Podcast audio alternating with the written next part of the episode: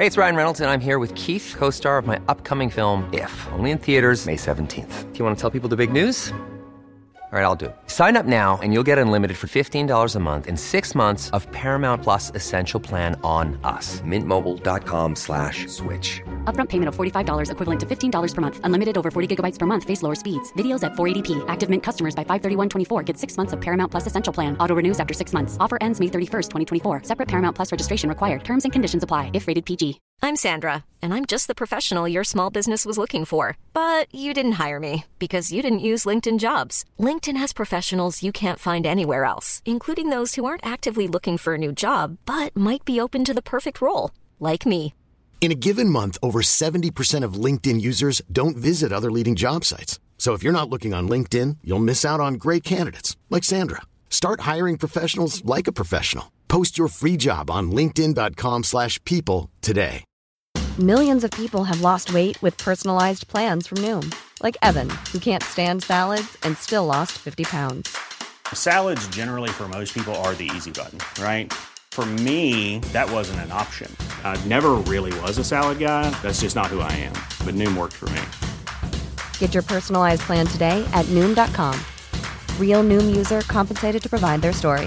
In four weeks, the typical Noom user can expect to lose one to two pounds per week. Individual results may vary.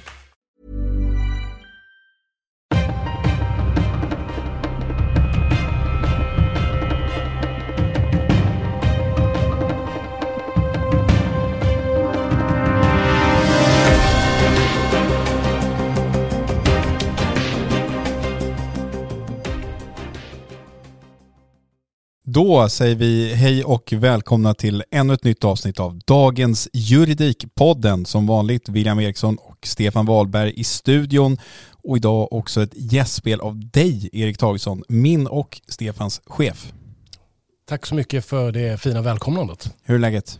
Tack, det är bara bra. Det är synd att klaga. Hösten har kommit eh, och med den eh, älggryta och eh, öppen spis. Härligt. Vi sitter ju här med dig idag för att vi idag när vi spelar in det här den första november har lanserat vad vi internt åtminstone kallar för Dagens Juridik 2.0 och jag tänkte att du i egenskap av chefredaktör skulle få berätta för våra lyssnare och läsare vad det egentligen innebär mer praktiskt för den som tar del av Dagens Juridik. Ja, men eh, helt kort och enkelt kan man uttrycka det som att vi nu lanserar tre olika läsarpaket eller för den delen betalpaket eh, för, för Dagens Juridik läsare. Vi kommer fortsatt ha väldigt mycket öppen, eh, öppna artiklar som vem som helst kan läsa. Men sen lanserar vi något som heter Plus, Premium och Professional.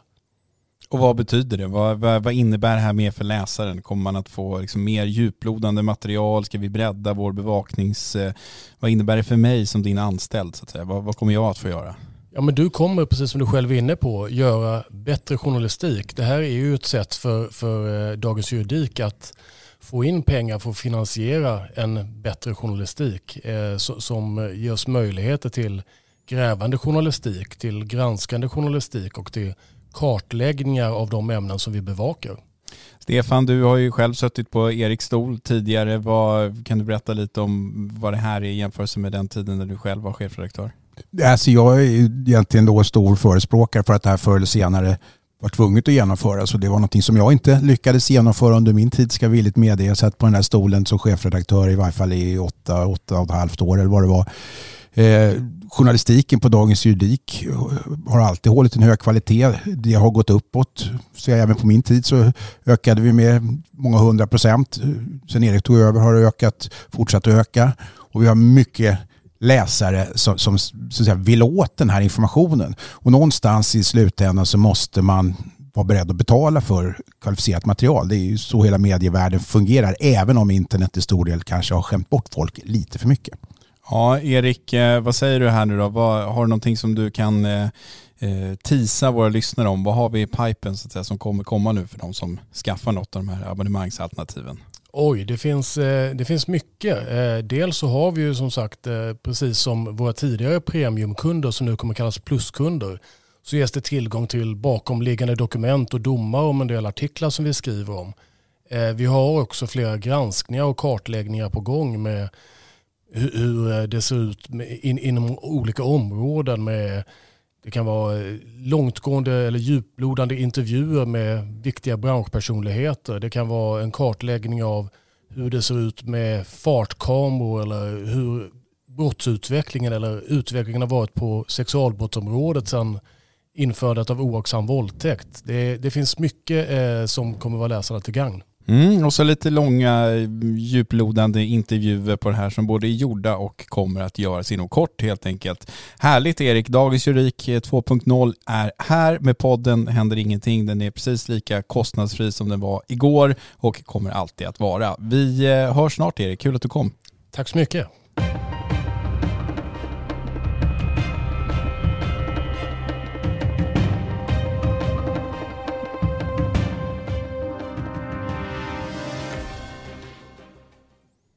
Ja, och eh, nu har Erik alltså lämnat studion och Eh, vi går in på den mer ordinarie poddverksamheten, nämligen dina och mina diskussioner om smått och stort. Stefan, jag tänkte vi skulle börja den här veckans avsnitt med att prata lite om vår traditionella sammanställning som vi sedan några år tillbaka på Dagens Juridik gör varje år. Och det handlar om de mest utlånade böckerna på några av eh, de här klass 1-anstalterna, alltså de tyngst säkerhetsklassade anstalterna där de, eh, ja, många av de här tyngsta gängkriminella och andra personer sitter och avtjänar sina straff. Förra året så tog ju den eh, mycket kände journalisten Diamant Salius Storslam, han var väl etta på de flesta av listorna. I år ser det lite annorlunda ut. Det är nämligen så att eh, på Hallanstalten så toppas listan över mest eh, utlånade böcker av ex-advokaten Evin Sett Martin och Expressens tidigare kulturchef, tror jag han kan ha varit kulturchef, men han kan också bara ha varit en vanlig medarbetare, Jens Liljestrand. Och sen tvåa på den listan så ligger eh, åklagaren Lisa dos Santos med sin senaste bok. Eh, vad säger det här, vad säger de här listorna, Stefan, om de som sitter inspärrade på de här tunga anstalterna egentligen? Vad de, det säger väl väldigt mycket om vad de har för intressen i livet. Att läsa om den som man kallar för bransch som de själv då är en, eller har varit i varje fall, en aktiv del utav. Och eh, ja, läsa Lisa dos Santos bok, det är ju att läsa för många av de här dömda personerna motpartens inlaga kring saker och ting i, i livet. Det är intressant för under alla de här åren som jag har varit på Dagens Juridik när vi har gjort de här sammanställningarna så har det nästan alltid varit böcker om brott, ganska mycket reportageböcker, det ser vi även nu. Eh, Lasse Wierups, de här klassikerna, Svensk maffia och den följetongen har nästan alltid varit med på listorna. Han är med med sin senaste bok nu, Diamant Salius böcker är också någon form av reportageböcker, detsamma gäller väl kanske lite Lisa dos Santos bok när det gäller Evin Sett Martin så har ju hon tillsammans med Jens Liljestrand då skiljat, mö eller skiljat möten med, med kriminella personer. Men sen så letar det sig alltid in och sån här Paolo Robertos eh, yoga eller träningsbok är nästan alltid med på listan. En annan klassiker är den här Neil Strauss den heter The Game på engelska, spelet heter den på svenska tror jag, handlar om hur, man ska, hur män ska bete sig när de eh, raggar på kvinnor och sådär. Varför tror du att det sällan blir, liksom, kommer upp några andra böcker av andra slag på de här listorna? Jag tror att de andra böckerna av andra slag finns med men de hamnar betydligt mycket längre ner va? Det, det här är framförallt topplistorna som, som Dagens Ja, det är de 25 mest utlånade ja. böckerna och jag tror att den som i år låg i topp hade blivit utlånad 30 gånger. Sen kanske inte jättemånga som sitter på de här anstalterna. Det är väl 100 pers eller 200 kanske på sin höjd. Men, men jag menar någonstans, kanske någon annan bok skulle komma in där eller? Ja, det, jag, menar, jag tror inte de läser Nalle Puh, men, men de kanske med fördel kunde läsa en del annan, annan skönlitteratur som hör till, till, till eh, allmän bildning och, och för den delen är normgivande i största allmänhet. Jag, jag är lite förvånad faktiskt att de här, alltså många klassiker inte finns med. Sen vet jag, pratade vi inte om att en av de här böckerna som var med är, är, är Art of War som är skriven av den kinesiska härföraren och generalen som jag nu inte kommer ihåg namnet på. Sun Chi. Sun Chi för typ 2000 år sedan. Kommer säkert få kritik för att jag säger 2000 år. Någonstans där. Någonstans där. Och den, det är en bok som är, jag själv läst den, det är ju inte en skönlitterär bok, det är en så att säga normgivande bok på gott och ont om hur livets realiteter bör, eh, ska vi kalla det för, forma, formaliseras i, i olika i olika eh, principer och det är nästan skrivet som en regelbok över livet men då med ansats mot krig och det är klart att man kan läsa den bildligt och se hela livet som ett krig eller som en, en, en manual över hur man bör hantera konflikter och så vidare. Men den fanns med på listan om jag inte minns fel va? Absolut. Och det är ju en klassiker. Det är en klassiker. Även Machiavellis Fursten som man väl alla gånger får kalla en klassiker. Ja, i högsta grad. Va? Men den har ju också sina undertoner åt det här hållet som, som det är inte Nalle Puh, även om det är inget ont om Nalle Puh, men, men det här är inte Nalle Puh. Så är det och jag tycker man kan, man kan se det här på flera olika sätt. Det finns vissa, säkert vissa som eh, ondgör sig lite eller gör sig lite lustiga över de här listorna och att det är kriminella som sitter och läser böcker om brott och sådär. Men, men jag skulle nog ändå vilja lyfta fram det fina i att vi tycks ha en väldigt god eh, biblioteksservice på de svenska anstalterna. Jag tycker det känns som en viktig, eh, ett, ett viktigt erbjudande till den som sitter på ett långt fängelsestraff att man faktiskt kan ta sig till ett bibliotek eller åtminstone få en bibliotekskatalog och sen så pricka för det man skulle vilja läsa. För vi pratar ju ofta om hur viktigt det är för olika grupper i samhället att läsa mer och, och när man då ska sitta och kontemplera över, över ett brott under tio års tid så är det väl jättefint att man har den möjligheten att få låna de böckerna man vill. Absolut, absolut. Därför att den enskilda tid som man har i sitt boenderum som det numera så fint heter. Man får inte säga cell för då blir kriminalvården arg på en. Precis som, som, som eh, man får i Sverige fortfarande kalla det för kriminalvård även om det bara är i Sverige och Norge tror jag som använder det uttrycket. Istället för att säga vad, vad det är, nämligen inlåsning och fängelsestraff. Eh, det är, jag tycker det är jättebra därför att det är klart att litteratur och andras eh, tänkande som har flutit ut på papper i form av bokstäver har någon form av inverkan på människors liv. Och det kan vara på gott och ont, även det naturligtvis. Men i stort så är det på gott att inhämta lite filosofi från annat håll än bara de egna kretsarna, kanske inte minst i, i de här sammanhangen.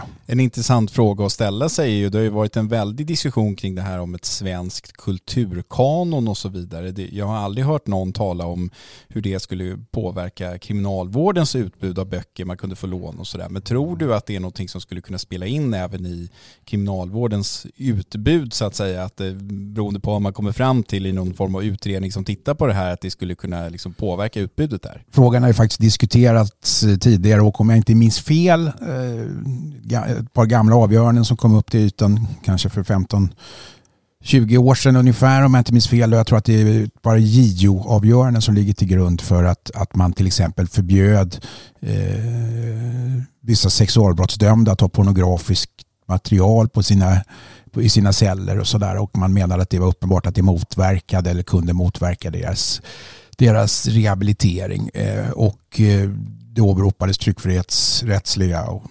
grundlagsfästa ut rättigheter som, som grund för att man hade rätt att ha vilken typ av tidningar och litteratur som helst eh, i fängelset. Men jag vill minnas att man kom fram till att det fick man inte ha. Då skulle man kunna tänka sig att vålds, öppet våldsförhärligande litteratur, jag vet faktiskt inte. Det vore intressant om man som jag vet inte ens hur, hur, formerna är för det här. Är det så att man som, som intagen kan be och få läsa vilken bok som helst och så tar de hem den eller har de ett visst begränsat utbud som redan är så att säga, selekterat från början? Det, det vore faktiskt intressant att veta formerna för det. Jag vet inte exakt, men jag vet att det finns bibliotekarier åtminstone som arbetar på de här anstalterna som vi ofta är i kontakt med när det gäller sammanställning av de här listorna. Så att mm, det finns ju en välfungerande biblioteksverksamhet med människor som arbetar aktivt med det här. Sen huruvida man kan höra av sig till dem och säga att jag vill ha Mattinas senaste kokbok eller jag vill ha Paolo Robertos yogabok och så finns den inte som man beställer. Det vet jag inte, men jag vet att det tycks finnas ett ganska välsorterat sortiment och man får tillgång till böckerna. Med, med vissa extrema undantag som ju liksom redan har inskränkningar i vår grundlag emot till exempel barnpornografi och sådär.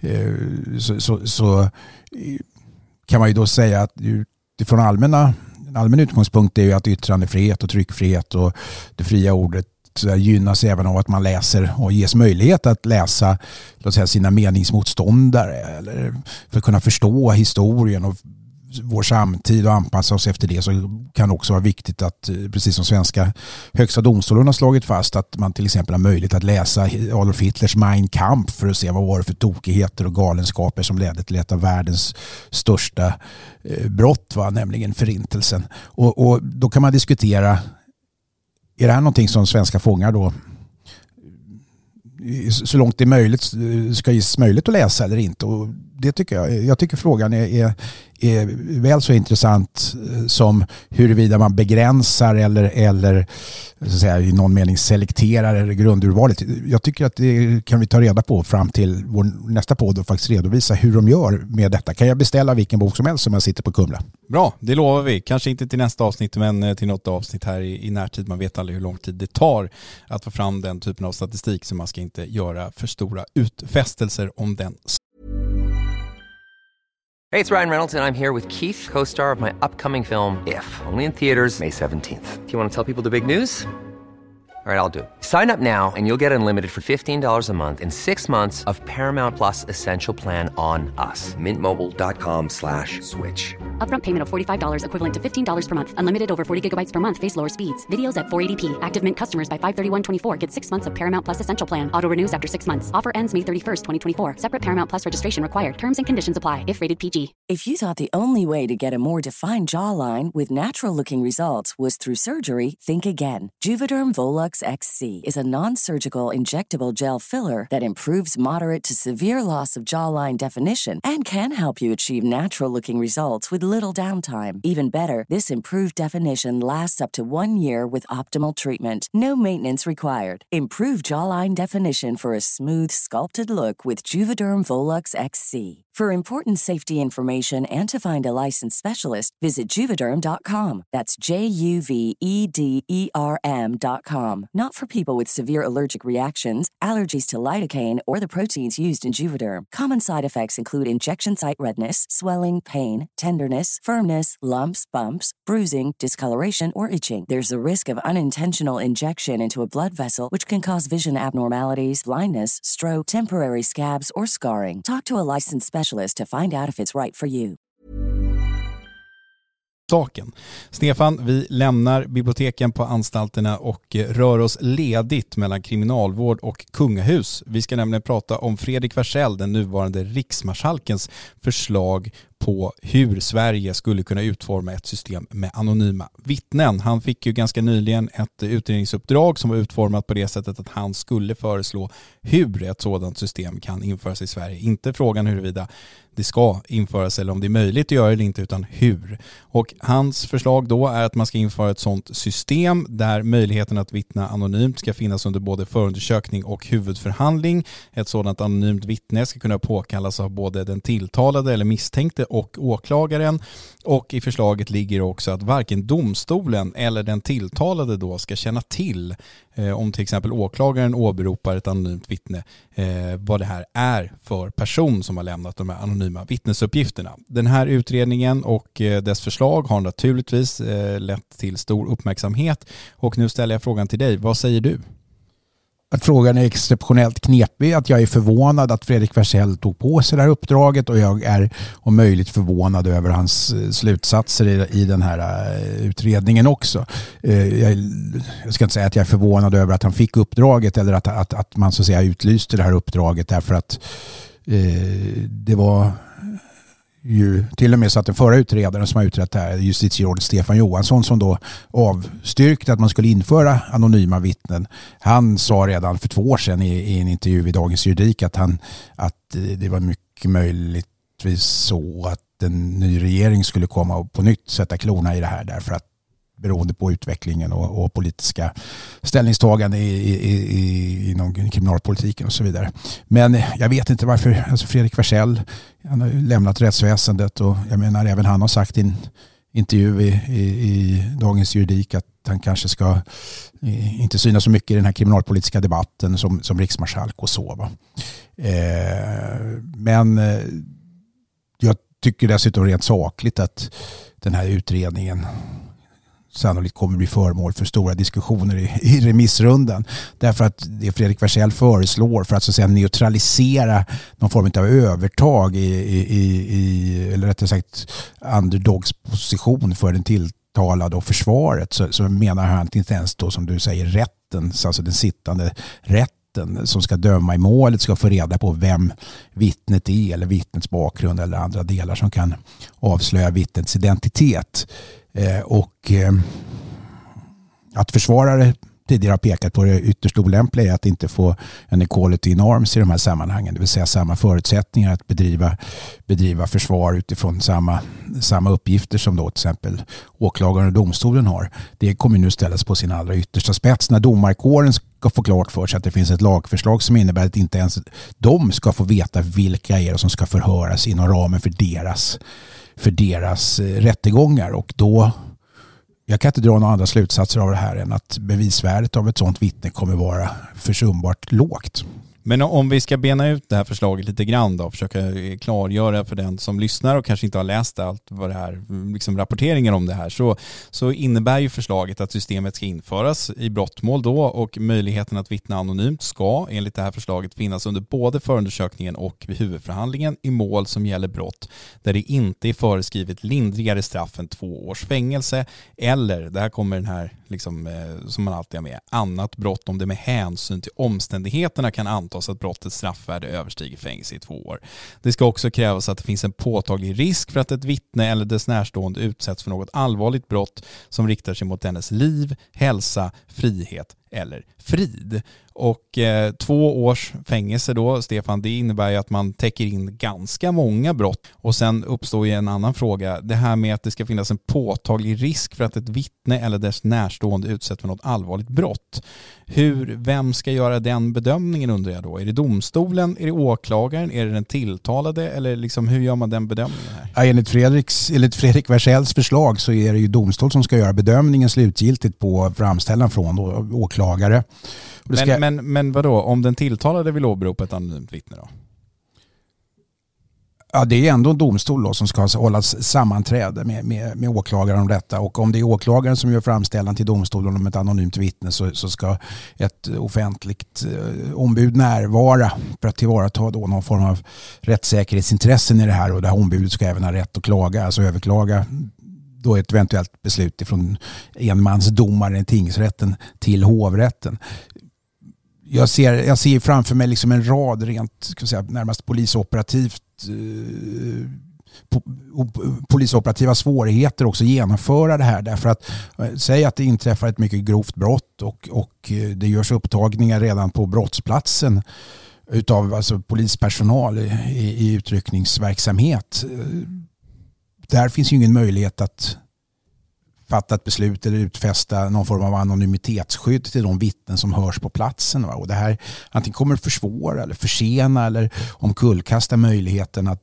kunna ta det omedelbara eh, vittnesmål ifrån, från vittnen där och då. Och här får man säga att Fredrik Wersäll har gått ett steg längre än vad, vad då Stefan Johansson gjorde i sin utredning. För oaktat att han avstyrkte så hade han ändå en del förslag om hur det skulle kunna gå till om det nu ändå skulle genomföras. Och den här frågan kring i vilken kronologisk ordning det här kan ske är av praktisk betydelse naturligtvis. Det vill säga vem kan ge utfästelsen och i vilket skede av en brottsutredning? Och här svarar Fredrik Wersäll på den frågan att det ska kunna ske redan under förundersökningen. Men frågan är när under förundersökningen eftersom en förundersökning i sig är ett, ett, ett, i formell mening så är det ett skede från det att beslut om förundersökning fattas om att en förundersökning ska inledas. Och det som ligger dessförinnan kan ju då också innebära att vittnen till exempel då uttalar sig i direkt anslutning till brottet, alltså i samband med anmälnings, att anmälan upprättas och så vidare.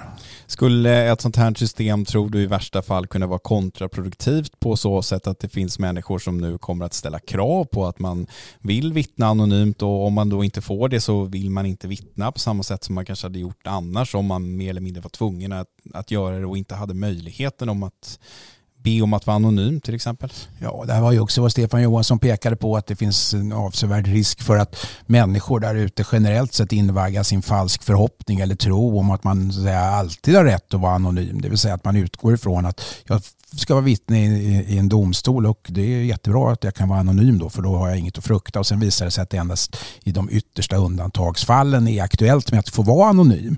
Därför att det här kommer inte bli någon form av huvudregel när det gäller brott som har minst två års fängelse i straffskalan utan precis som också då, jag återvänder till Stefan Johansson hela tiden för jag tyckte att hans utredning var väldigt bra där han pekar på att Norge som alltid lyfts fram här i, i sammanhanget som ett, ett av de nära stående länderna till Sverige som faktiskt har ett system med anonyma vittnen. De har aldrig utifrån Stefan Johanssons undersökningar i hans tidigare utredning använt sig av systemet aldrig någonsin. Och det vittnar ju om att det då finns en en, en, så säga, en praktisk nytta som är, är väldigt, väldigt liten men eh, att detta kan då få oproportionerligt stora eh, proportioner i människors rättsmedvetande och tro kring hur, hur rättsväsendet fungerar och det är naturligtvis inte bra i förlängningen. Men då kanske vän av ordning säger att nej, men Norge och Finland och Danmark och andra länder som har den här typen av system som inte använder den så ofta har kanske inte sett samma typ av kriminalitet och samma typ av våldsutveckling som Sverige ser idag. Det är ju ett motargument. Man kan ju också säga att vadå om det inte används så ofta, sett systemet i rullning och så använder vi, använder vi det när vi behöver det till exempel. Ja, och det, så är det ju naturligtvis. Alltså det finns ju två argument då i, i det här sammanhanget som är värda att lyfta upp. Och det ena argumentet är att den tystnadskultur som man då öppet säger sig vilja bryta igenom i den här typen av kriminella kretsar. Det är ju liksom ett av de politiska argumenten för att införa ett sånt här system.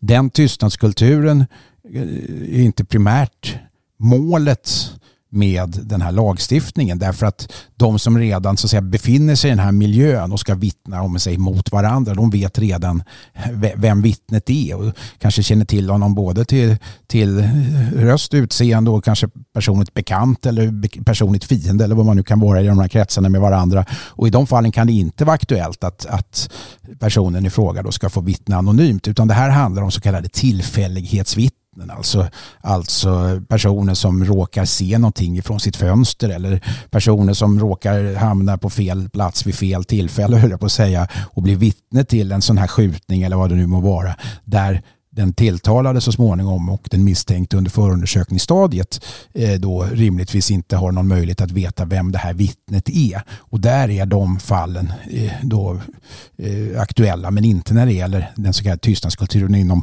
inom vissa redan kända kretsar. En annan sak, en annan aspekt i det här sammanhanget är också att Europadomstolen har accepterat system med anonyma vittnen i och för sig men man har också sagt att det ska finnas rejäla kompensatoriska Eh, rättssäkerhetsgarantier i både praktiken och, och, och, i principiell mening för att kunna använda systemet. Detta innebär då bland annat att bevisvärdet av ett anonymt vittne per definition sjunker och endast kan användas som stödbevisning och det innebär då också i förlängningen att, att eh, det kan hända att, att den här typen av brottmål då till följd av de anonyma vittnena kommer sluta med friande dom därför att du har ingen annan bevisning att gå på kanske och om det då är ett anonymt vittne så skall och får det inte tillmätas det höga bevisvärde som kanske annars hade, hade lett till en fällande dom. Men om vi bortser liksom från den här lynchmobben som, som, eh, som ibland hörs ganska mycket i debatten och fokuserar på, på de som har så att säga fört fram ganska relevanta eh, synpunkter på och för ett sånt här förslag eh, om, om ett införande av anonyma vittnen så finns det ju faktiskt ganska många som förespråkar systemet som säger att ja, men vi är fullt medvetna om att bevisvärdet kommer att vara lågt eh, när det handlar om bedömningen av utsagor från anonyma vittnen. Men det är ju liksom inte den stora lösningen på, på problemet här med en eskalerande gängkriminalitet utan det, det är liksom en liten pusselbit här som man lägger i det större pusslet som skulle kunna fungera för att stärka rättssystemet. Ja, nej, det är ju helt rätt och jag menar det, i sammanhanget är det ju värt att nämna att eh, precis det du pekade på att Fredrik Wersäll fick ett uppdrag att ta fram, en, eh, ta fram ett förslag på hur ett sånt här system skulle kunna utformas. Och Fredrik Wersäll är en av Sveriges mest välrenommerade jurister och en av de klokaste juristerna skulle jag också vilja påstå som jag genom hela min karriär har träffat på i de här sammanhangen. Och han har ju klurat ut saker här, till exempel det här med domstolen som, som då, där den sittande rätten inte heller ska få mer information än vad, vad försvaret har till exempel. Han har ju klurat ut en del då saker här som så att säga, neutraliserar en del av de andra problemen. Men eh, likförbaskat så landar vi i, i en vågrörelse där, där så att säga, antalet fall som kan bli aktuella är väldigt få och när det väl är aktuellt så kommer då den här bevisningen ha ett lågt bevisvärde vilket har en risk med sig i sig. Men för all del, för att svara på din fråga, är det så att det här kan hjälpa endast ett fall på tio år att, att få sin uppklaring eller ett fall per år eller vad det nu må vara så kan ju det vara ett argument för att införa det om man då inte tittar på det ur ett strikt så att säga, vågskålsperspektiv utav proportionalitet och, och verkligt behov.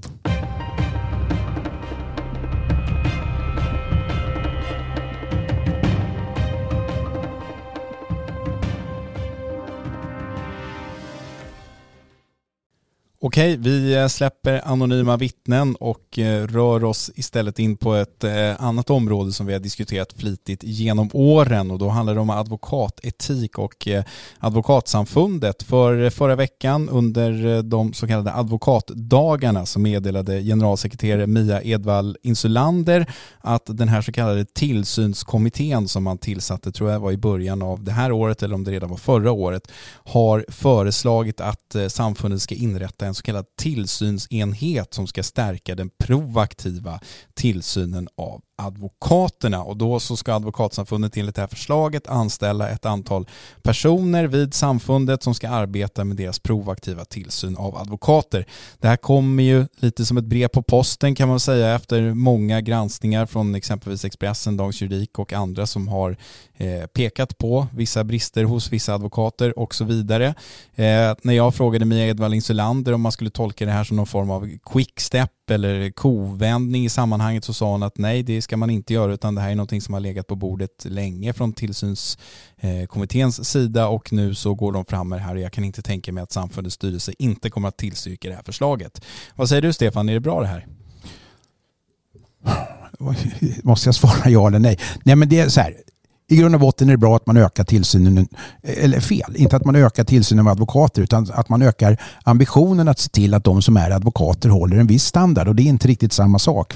Eh, om det görs i form av som man nu utfäster sig att göra om det här blir verklighet, att man ska ha så här, flera nyanställda med en viss enhetschef och man ska ha jurister och administrativt stöd för att kunna genomföra det här. Då uppkommer nästa fråga och jag säger inte att jag är emot det här, utan jag bara väcker frågan för att jag tycker att den bör väckas. Ska det här bli någon form av utredningsenhet, underrättelseenhet, spaningsenhet eller bara administrativ enhet som så att säga proaktivt ska arbeta med att se att advokater faktiskt sköter sig. Eh, de har redan till viss del det här inom samfundet säger man i alla fall själva. Va?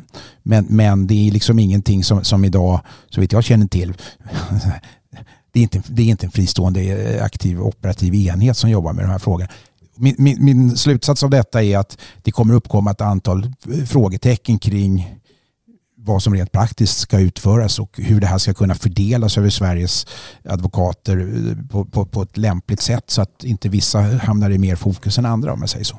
Många är ju, alltså det, det höjs hela tiden röster inom advokatsamfundet eller framförallt från enskilda advokater om att granskningen just nu eh, och den blåslampa så att säga som vi riktar mot kåren kanske är lite väl tilltagen från sådana som dig och mig och Fredrik Sjöshult och Orsin Cantwell och andra som skriver om det här.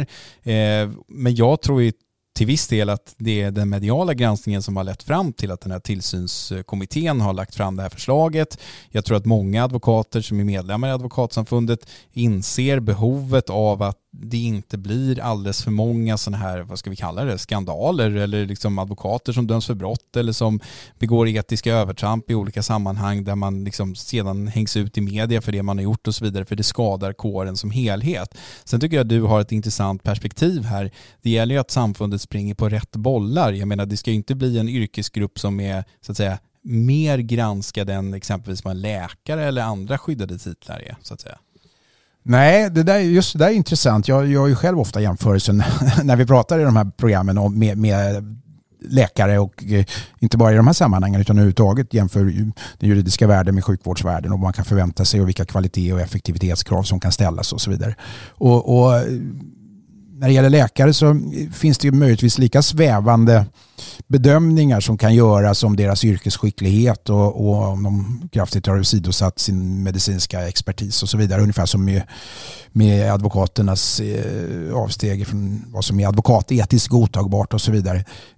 Och det är det här jag lite grann så här det är svårt att göra sådana här bedömningar. Det, det, det, det är ännu svårare att göra sådana här bedömningar så att säga, Eh, under, under spelets gång, eh, under löpande tillsynen det är när du väl har ett, har ett hårt case på bordet som ska prövas. För då kan man kanske säga att det är uppenbart här att det här strider mot god advokatsed eller att den här läkaren har gjort fel. Men att så att säga, fortlöpande hålla någon form. Ja, om det, om det slutar med att man, man som jag sa inledningsvis, håller, eh, håller så att säga, en god kvalitet eh, överlag inom advokatkåren så tycker jag att det är bra. Men än en gång, med vilka praktiska eh, vilka praktiska både rättigheter för den delen ska man ha men, men framförallt möjligheter att, att bedriva den här verksamheten ska man kunna inkräva som eh, under löpande, löpande gång eh, yttranden från andra advokater eller domare som den här advokaten har, har haft att göra med i sitt ämbete. Ungefär som när man gör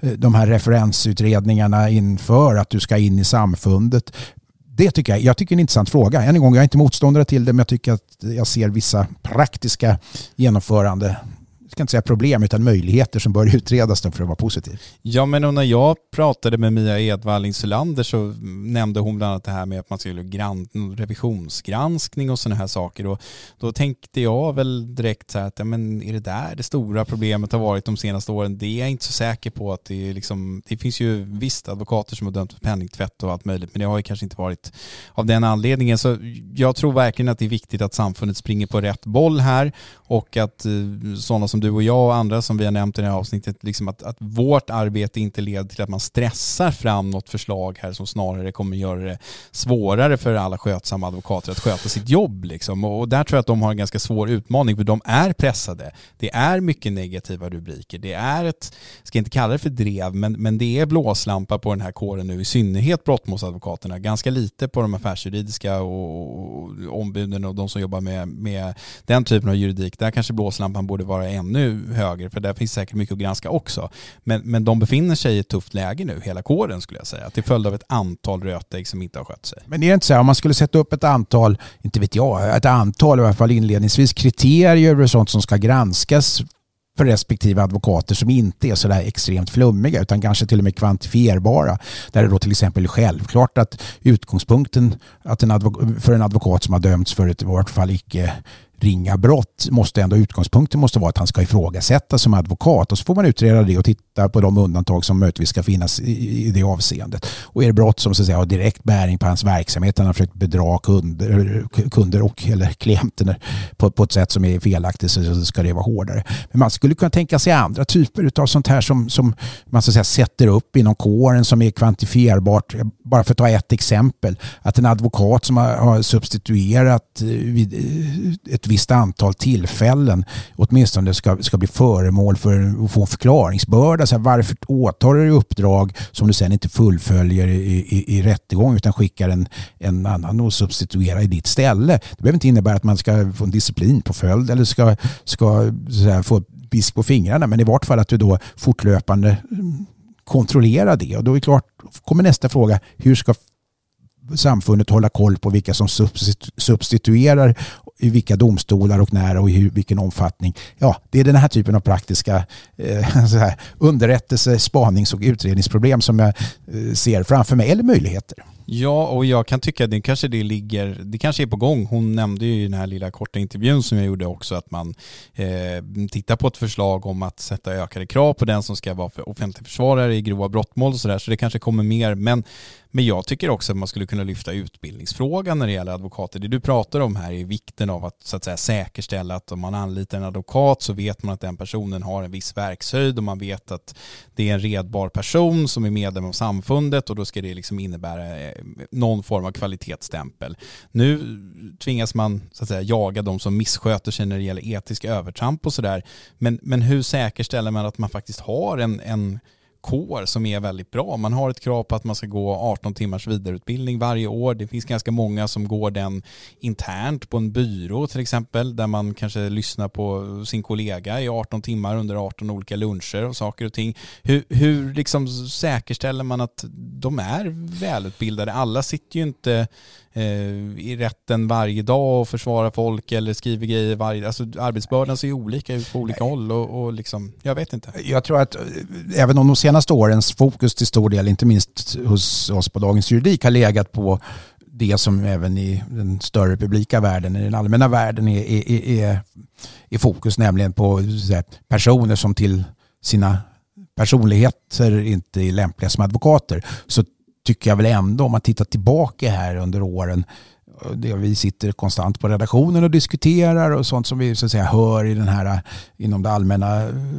rättslivet här så är det nog snarare så att det du nu belyser är, är så att säga, bredare, mer utbrett problem, nämligen att advokater möjligtvis åtar sig uppdrag som de eh, inom områden de inte behärskar och, och, och, tycker att det där klarar jag ändå. Jag läser in lite NJA och lite förarbeten så kan jag ta det där ganska komplicerade eh, ärendet inom vad det nu kan vara, fastighetsrätt, skatterätt, eh, immaterialrätt eller vad det nu må vara.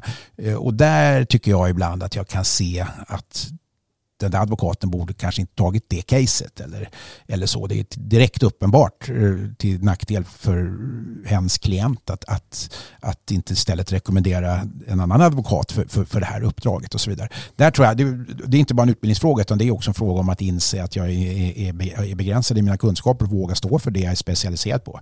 Jag kan allting om vad det nu må vara, men inte någonting om det där och det där.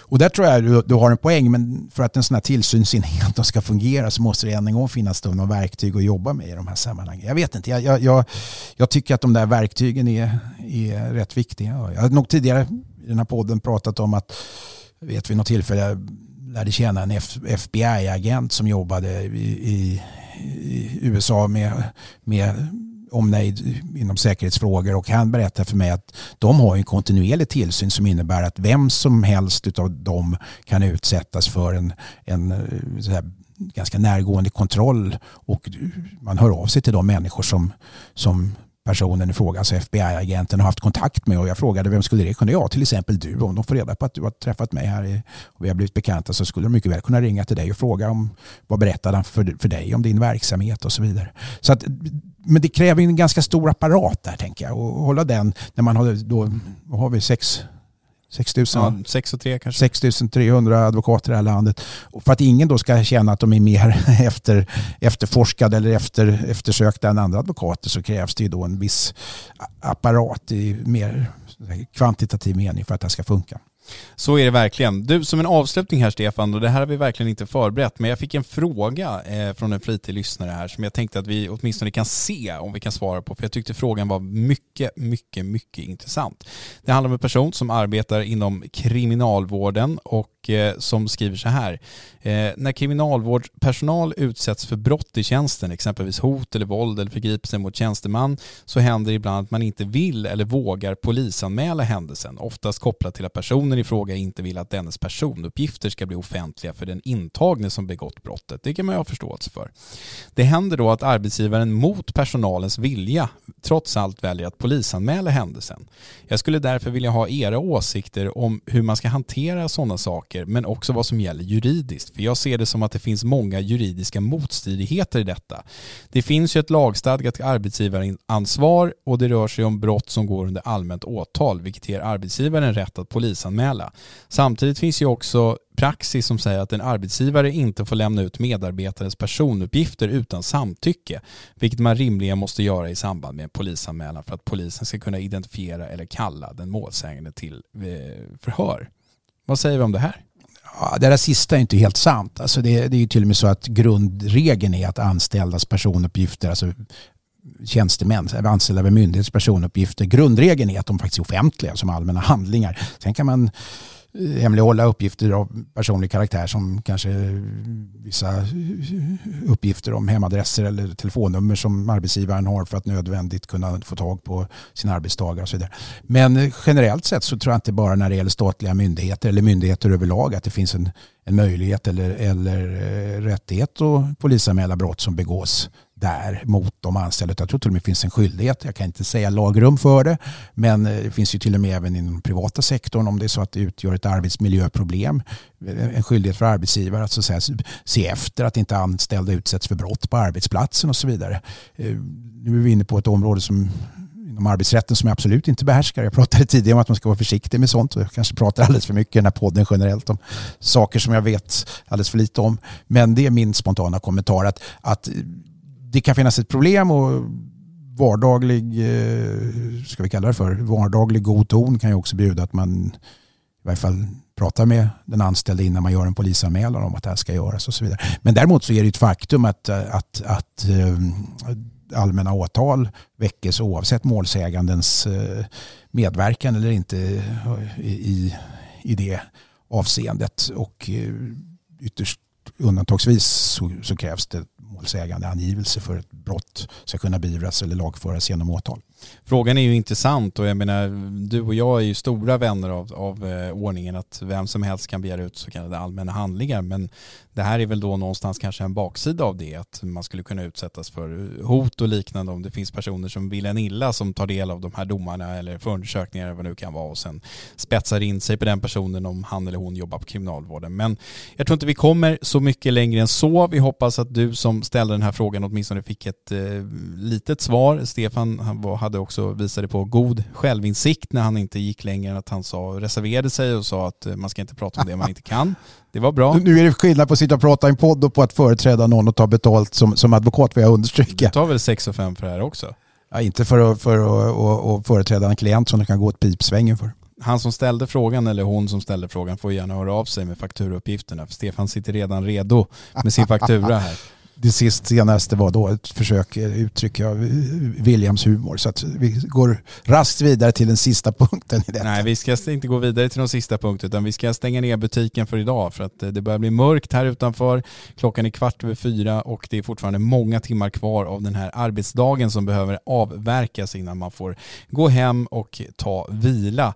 Stort tack för alla eh, till dig Stefan för att du var med idag och stort tack till alla er som har lyssnat. Glöm inte som sagt att vi nu är dagens Juridik 2.0 så gå in, surfa runt på sajten och kolla vad vi har att erbjuda. Det finns hur mycket bra att läsa som helst där. Stort tack för att ni lyssnade. Vi hörs om en vecka igen. Hej!